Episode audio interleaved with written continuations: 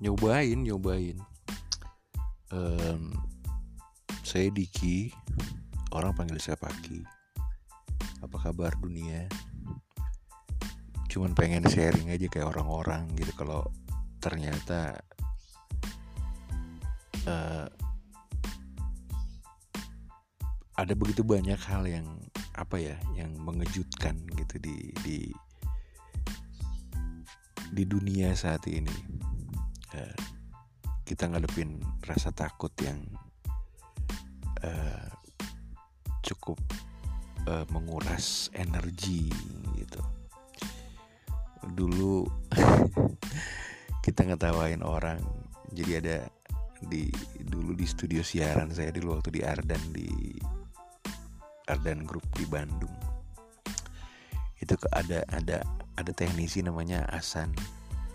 Jadi dia obsesif kompulsif disorder kayak kayaknya gitu karena karena dia sering banget nyuci tangan. Itu super sering nyuci tangan gitu. Saya jadi keinget Asan sekarang karena uh, itu yang kita lakukan sekarang gitu. Dulu kita ngetawain dia tapi sekarang uh, kita berlaku persis seperti apa yang dia lakukan waktu itu. Asan how you doing um, ketakutan kekhawatiran uh, akan masa depan yang dulu dicemooh orang tentang ya kan banyak orang bilang kita kita tidak hidup di hari ini kita menyesali masa lalu dan mengkhawatirkan masa depan. It is what it is gitu. Memang ini sekarang yang terjadi gitu. Ini sekarang yang terjadi. Kita ngerasain hal itu semua. Jadi apa ya uh, ada semacam paradoks yang atau apa sih namanya eh, hal-hal yang kok bener ya gitu ya gitu kan. Yang ternyata memang uh, apakah ini sebuah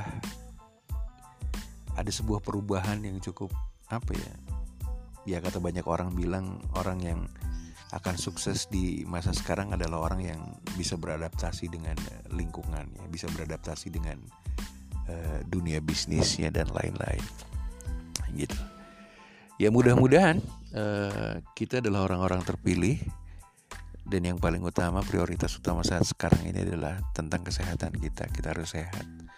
Kemudian mudah-mudahan pemerintah juga bisa belajar dari pemerintah-pemerintah lainnya. Jadi ya nggak boleh nggak uh, ya harus belajar lah. Maksudnya uh, we have to admit it gitu untuk untuk untuk uh, kita harus mengakui kalau kalau memang uh, salah gitu. Karena dengan mengakui ini akan mempermudah kita untuk bisa uh, uh, menerimanya gitu. Kemudian penerimaan itu akan mempermudah kita untuk bisa memperbaikinya. Admit it fix it.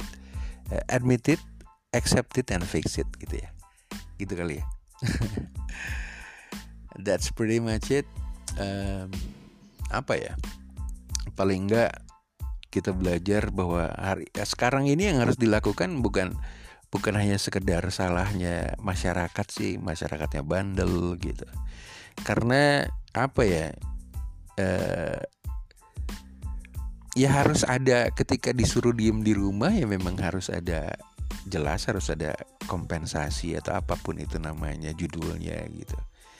Uh, terus juga uh, kemudahan untuk bisa mendapatkan vaksinasi. Itu itu jelas yang paling utama sekarang ini. Kalau kita ngelihat di Amerika itu di di mall di di tempat-tempat kecil gitu mereka menyerang gitu. Mereka uh, melakukan uh, vaksinasi masif gitu. Dan dari bulan Januari 2021 mereka ketika Biden uh, muncul mereka sudah melakukan itu semua. Dan akhirnya di di bulan Juli saat sekarang ini uh, ya cukup mereka bisa menekan gitu loh. Yang akhirnya uh, ya belajarlah saling belajarlah dari dari informasi-informasi yang ada berseliweran di dunia saat sekarang ini. Dan kita harus bisa apa ya ya utamanya sih harus itu sih harus harus uh, mempunyai kemampuan gitu. Kayak apa di beberapa daerah tentang antrian gitu ya pemerintah daerah juga harus belajar bagaimana mengatur antrian gitu kan. Bisa